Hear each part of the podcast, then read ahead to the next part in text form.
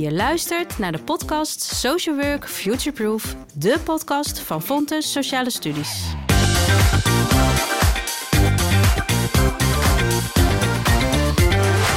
Welkom bij deze aflevering over complexiteit van de zorg voor mensen met eetstoornissen. Ik ben Maya Rochak, lector sociale werkkracht en vandaag ga ik in gesprek met Shannon Blazer. Welkom Shannon. Hey. Shannon, wie ben je en wat doe jij? Ja, wie ben ik? Ik ben Shannon Blazer. Ik uh, woon in uh, Geleen samen met mijn hondje en ik ben nu ervaringsdeskundige. Ik uh, heb de afgelopen twee jaar studie gevolgd bij, bij Fontis tot ervaringsdeskundige in zorg en welzijn.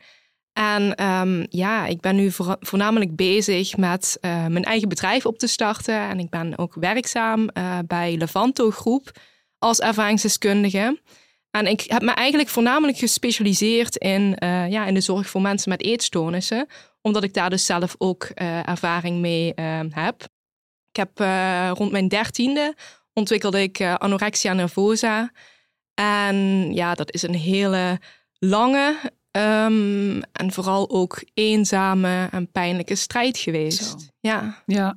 Ja. ja. En je hebt ook hierover een boek geschreven Klopt. over de eetstoornissen. Kun je misschien nog wat meer vertellen? Wat is een eetstoornis?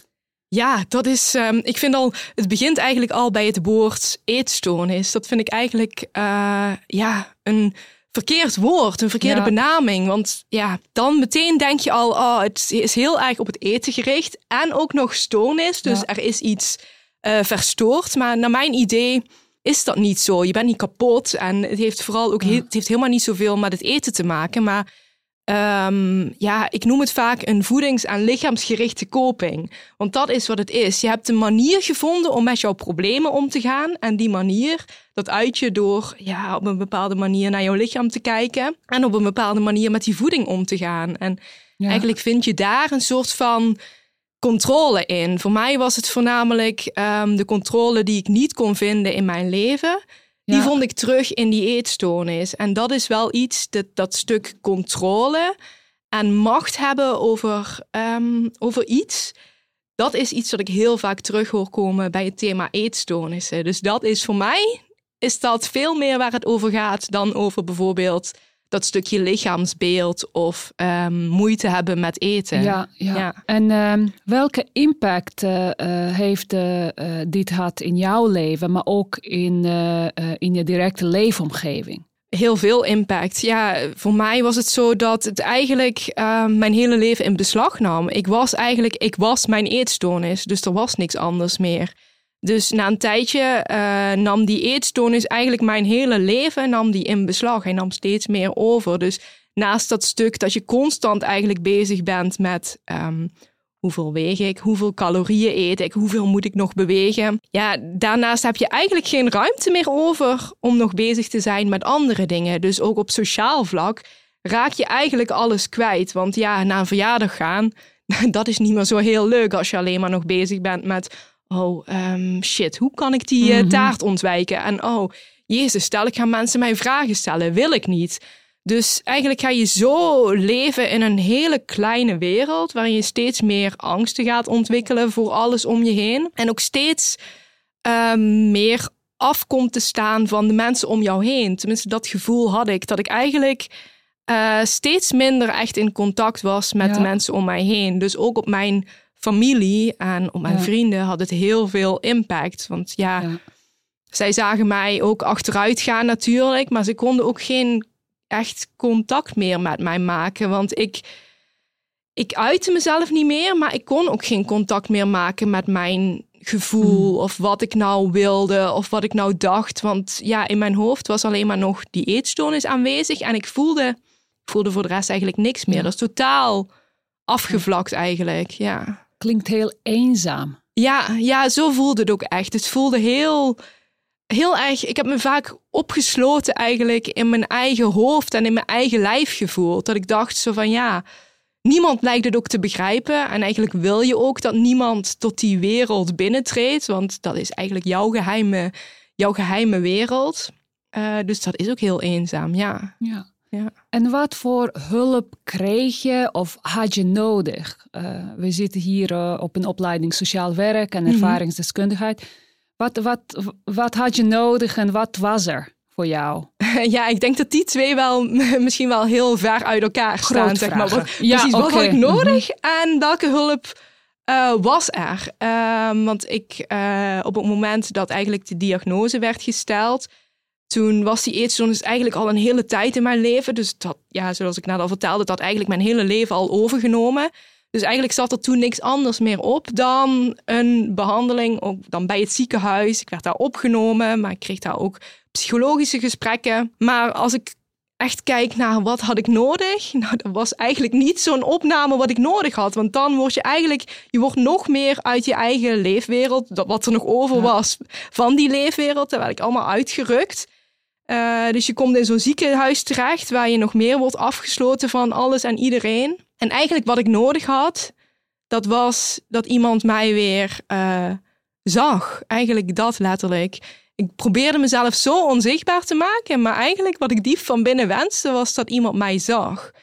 En um, ik ben zelf uiteindelijk ook wel terechtgekomen bij, uh, toevallig wel ook daar in het ziekenhuis, bij een uh, psychologe die, uh, die mij dus wel ook heel erg zag. En daar heb ik wel heel erg veel aan gehad.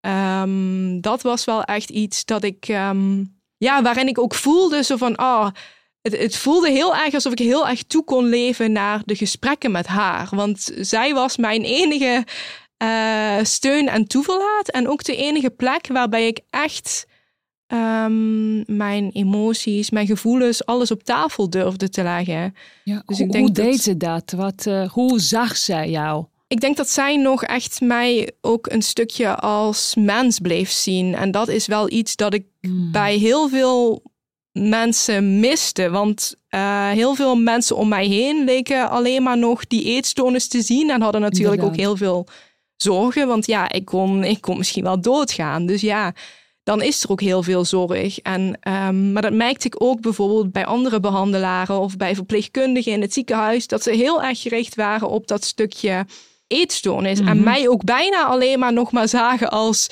de, de rondlopende eetstoornis, zeg ja, maar. En ja. oh, wij vertrouwen jou niet, want alles... Je staat eigenlijk al 1-0 achter. En dat ja. voelt heel... Ja, je hebt het gevoel dat je constant jezelf dus moet bewijzen. En tegelijkertijd jezelf ook op geen enkele manier kunt bewijzen, want je hebt toch die eetstoornis. Dus ja, je zult toch nooit het hele vertrouwen winnen. Um, en dat vond ik wel heel naar. En bij haar voelde ik wel echt zo van... oké, okay, zij ziet mij ook nog als... Um, als Shannon. Ja, precies, ja. als Shannon. Ja, ja. ja. Een jonge vrouw die uh, ja, aan het kopen is.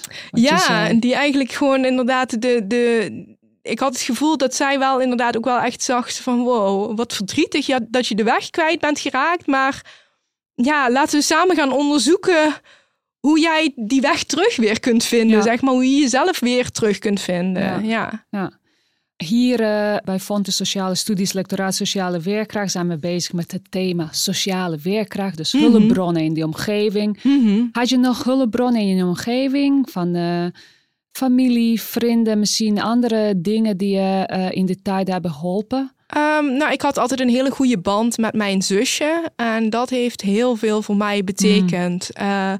Mijn zusje, dat was iemand uh, waarbij ik ook voelde, oh, bij haar durfde ik alles te delen. Wij hebben heel veel um, ja, moeilijke tijden ook wel samen natuurlijk meegemaakt, omdat zij daar ook middenin zat, in ons gezin, zeg maar, waar heel veel ruzie ook was rondom die eetstoornis, heel veel zorgen.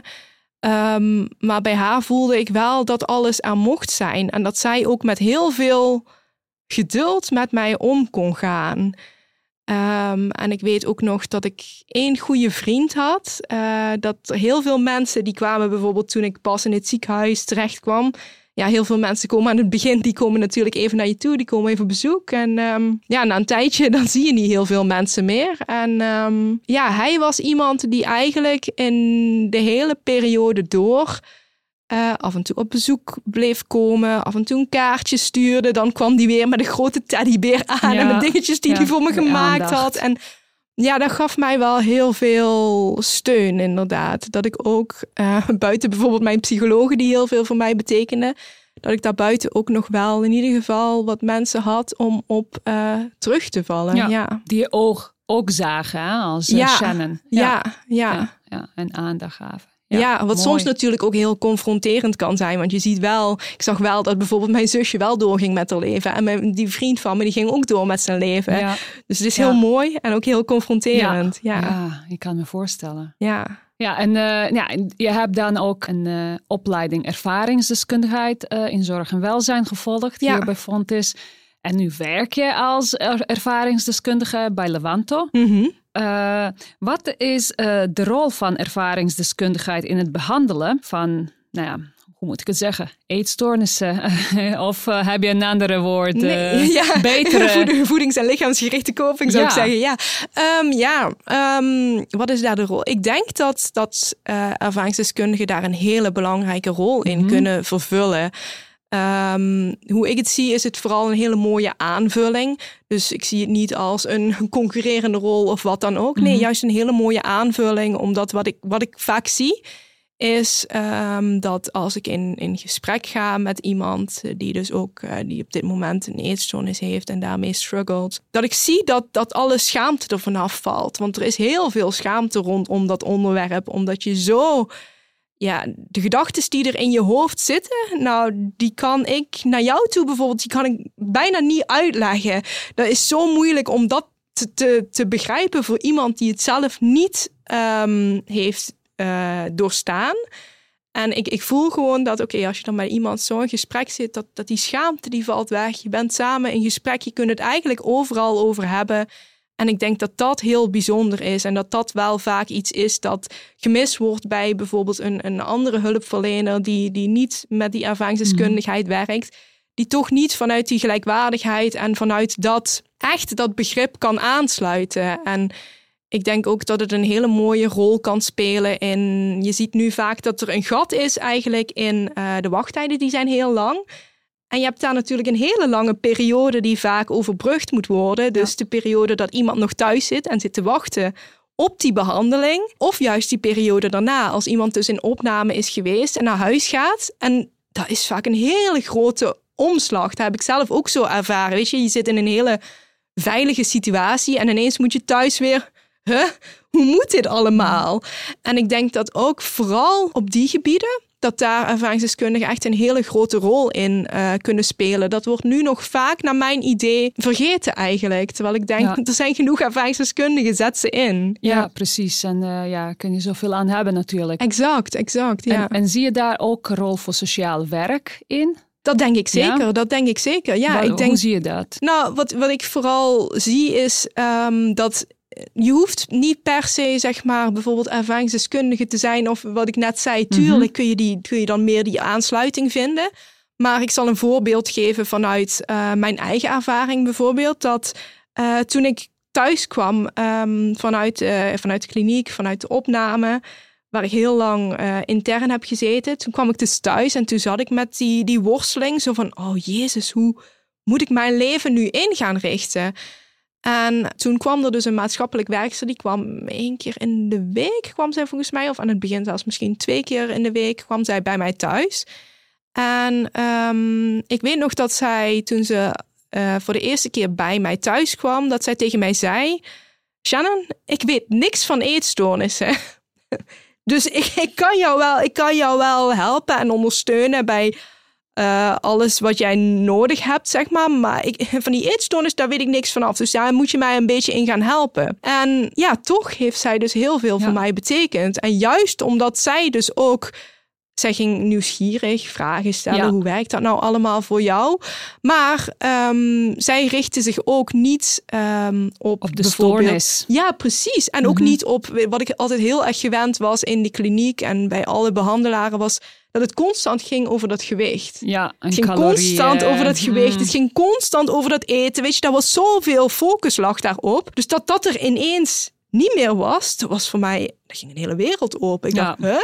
En ik denk dat dat in die zin Ja. kunnen sociaal werk zo'n mooie rol vervullen. En, en juist door dat stukje nieuwsgierigheid en gewoon aansluiten, Ja. aansluiten bij, bij Niet het verhaal. oordelen en misschien ook gewoon kijken naar je nou ja, leven en eh, andere dingen die daar... eh, Ja, precies. En zo van niet, niet kijken naar al die onmogelijkheden, maar Ja. hey, maar wat, wat is er nog wel mogelijk? Dat zag ik dat zij dat ook heel erg deed. Zo van hey, hulpverleners zijn vaak zo gericht op, hey, maar wat, wat, inderdaad, wat gaat er allemaal mis? Wat is er allemaal van, waar moeten we allemaal aan werken? Nee, maar wat is er nog wel mogelijk? Ja. Wat, wat, inderdaad, wat, waar word je nog blij van eigenlijk? En dat, ik dacht, op een gegeven moment dacht ik ook, ik heb helemaal geen idee waar ik blij van word. Maar om dat weer opnieuw te gaan Ontdekken. ontdekken, inderdaad, en dat samen met iemand te kunnen doen, nou, dat is, ja, dat is top. Ja. Ja, mooi, Ja. mooi. Nou, we willen vanuit ons lectoraat eh, ervaringskennis Mhm. en een va- ervaringsdeskundige een plek geven in ons onderzoek.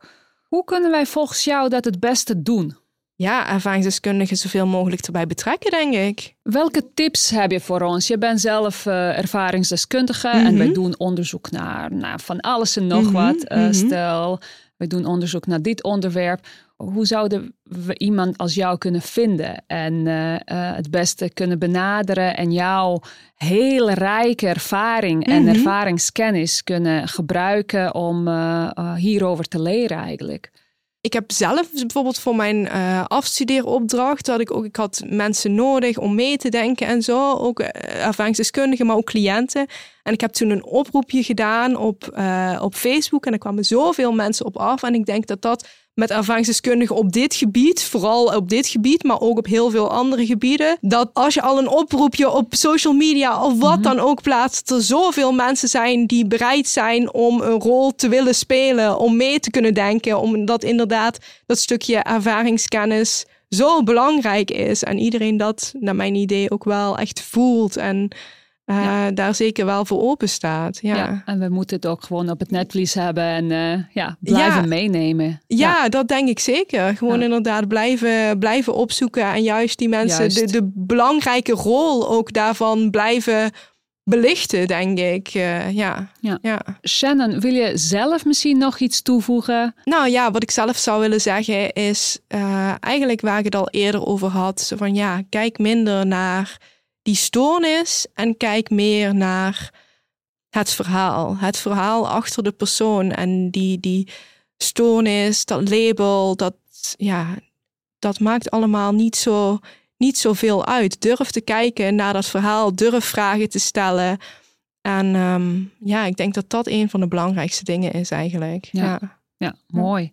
We zijn aan het einde gekomen van deze podcastaflevering over voeding en lichaamsgerichte coping. Dus geen eetstoornis. Mhm. Shannon, ik wil je hartelijk bedanken voor dit gesprek. Ja, jij ook bedankt.